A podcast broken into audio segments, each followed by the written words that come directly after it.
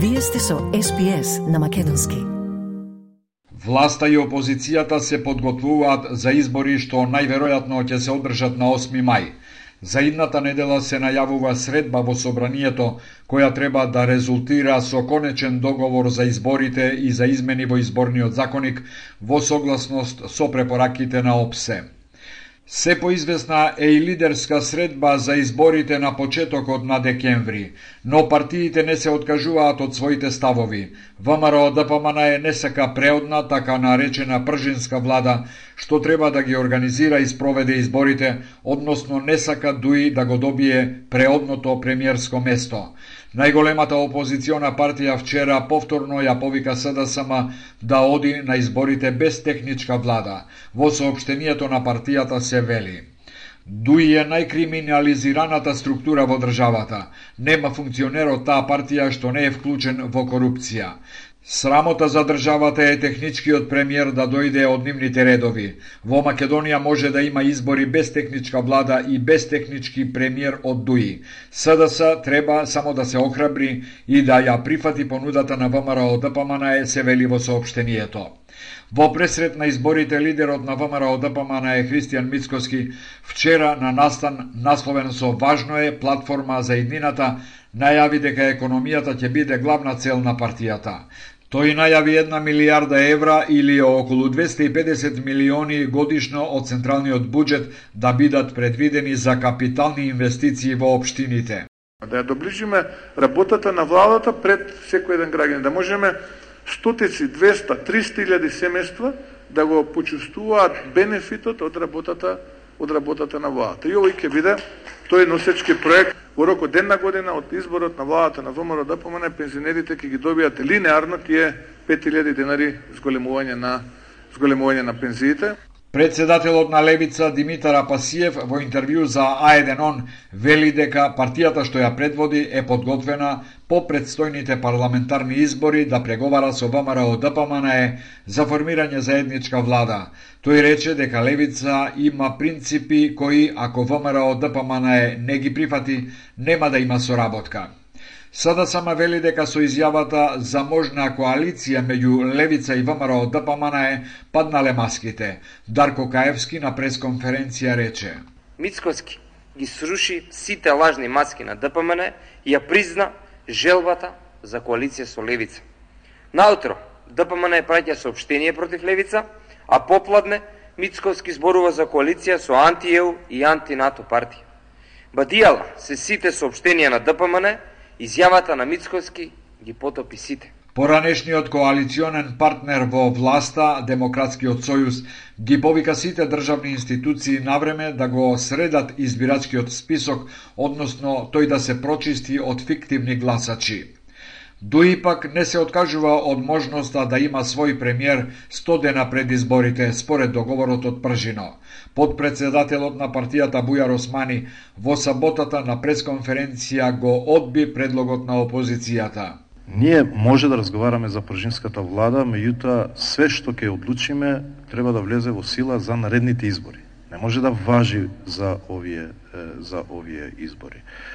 Бидејќи он ја наметна таа тема на премиер Албанец, мислам дека тука ова прашање нема простор за да се дискутира бидејќи е договорена, за тоа потврди и премиерот и мислам дека тука нема нема простор.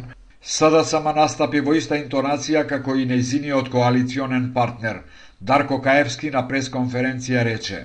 Може да се разговара за укинување на техничката влада, но во некои наредни изборни циклуси, зашто треба и политички консензус од сите политички партии. Пржинската влада беше инсталирана во македонскиот закон пред изборите во 2016 година. Според поранешниот председател на Собранието Трајко Велјановски, тоа е најголемата глупост што и се случила на Македонија. Предвидува 100 дена пред изборите владата да ја води технички премиер, предложен од мнозинството, а неколку кадри на опозицијата да добијат неколку министерства. Македонија во саботата дозволи влез на рускиот министер за надворешни работи Сергеј Лавров, кој предходно изрази желба да присуствува на состанокот на ОПСЕ што ќе се одржи во Скопје од 29 ноември до 1 декември. Лавров и делегацијата веќе поднеле барање за доаѓање, но дали ќе биде присутен сите три дена на состанокот се уште нема потврда. Доаѓањето на американскиот државен секретар Ентони Блинкен на состанокот пак е сигурно.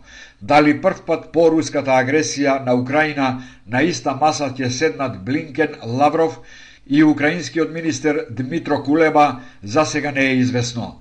Бујар Османи на пресконференција на овие прашања ги даде следниве одговори.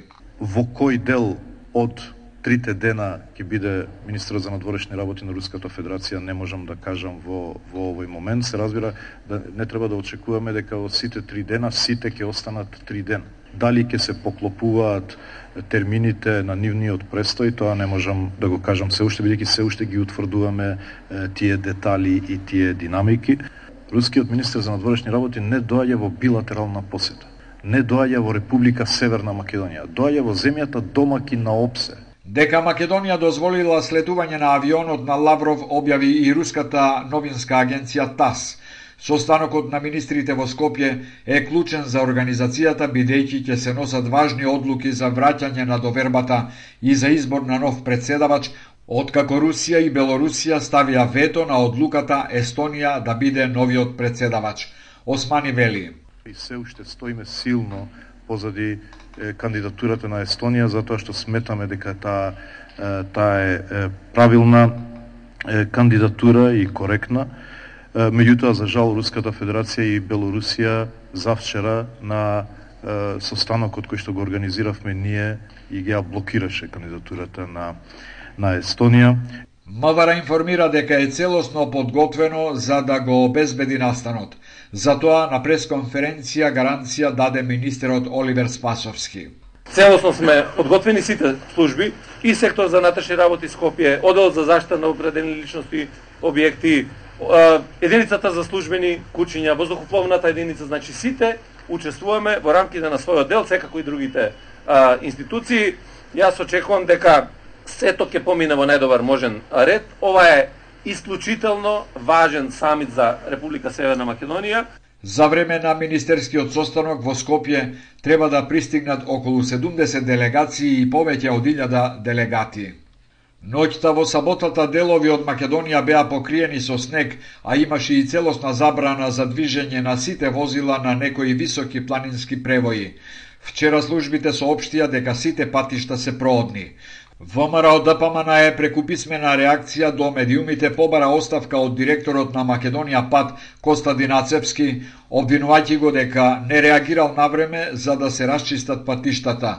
Ацепски засител рече дека ако другите алки во системот ја детектираат одговорноста во институцијата со која раководи, тогаш би си дал оставка веднаш поднесување на оставка само за задоволување на желбите на опозицијската партија или за дневно ситни политички поени, мислам дека во моментов не, а, не е нешто што би ја подобрило состојбата и во Македонија пат и во државата од аспект на одржувањето на патиштата и во зимски, па и во летни услови. Завчера граѓани со часови беа заглавени во своите автомобили, чекајќи да се одблокира сообраќајот за да стигнат до посакуваната дестинација. Македонија пат на располагање има 67 специјални возила за чистење снег, распоредени на 37 пунктови низ целата држава. Од нив 20 возила се стари над 5 години, а останатите се постари од 30 години. Стиснете, ми се допаѓа, споделете, коментирајте. Следете ја SPS на Македонски на Facebook.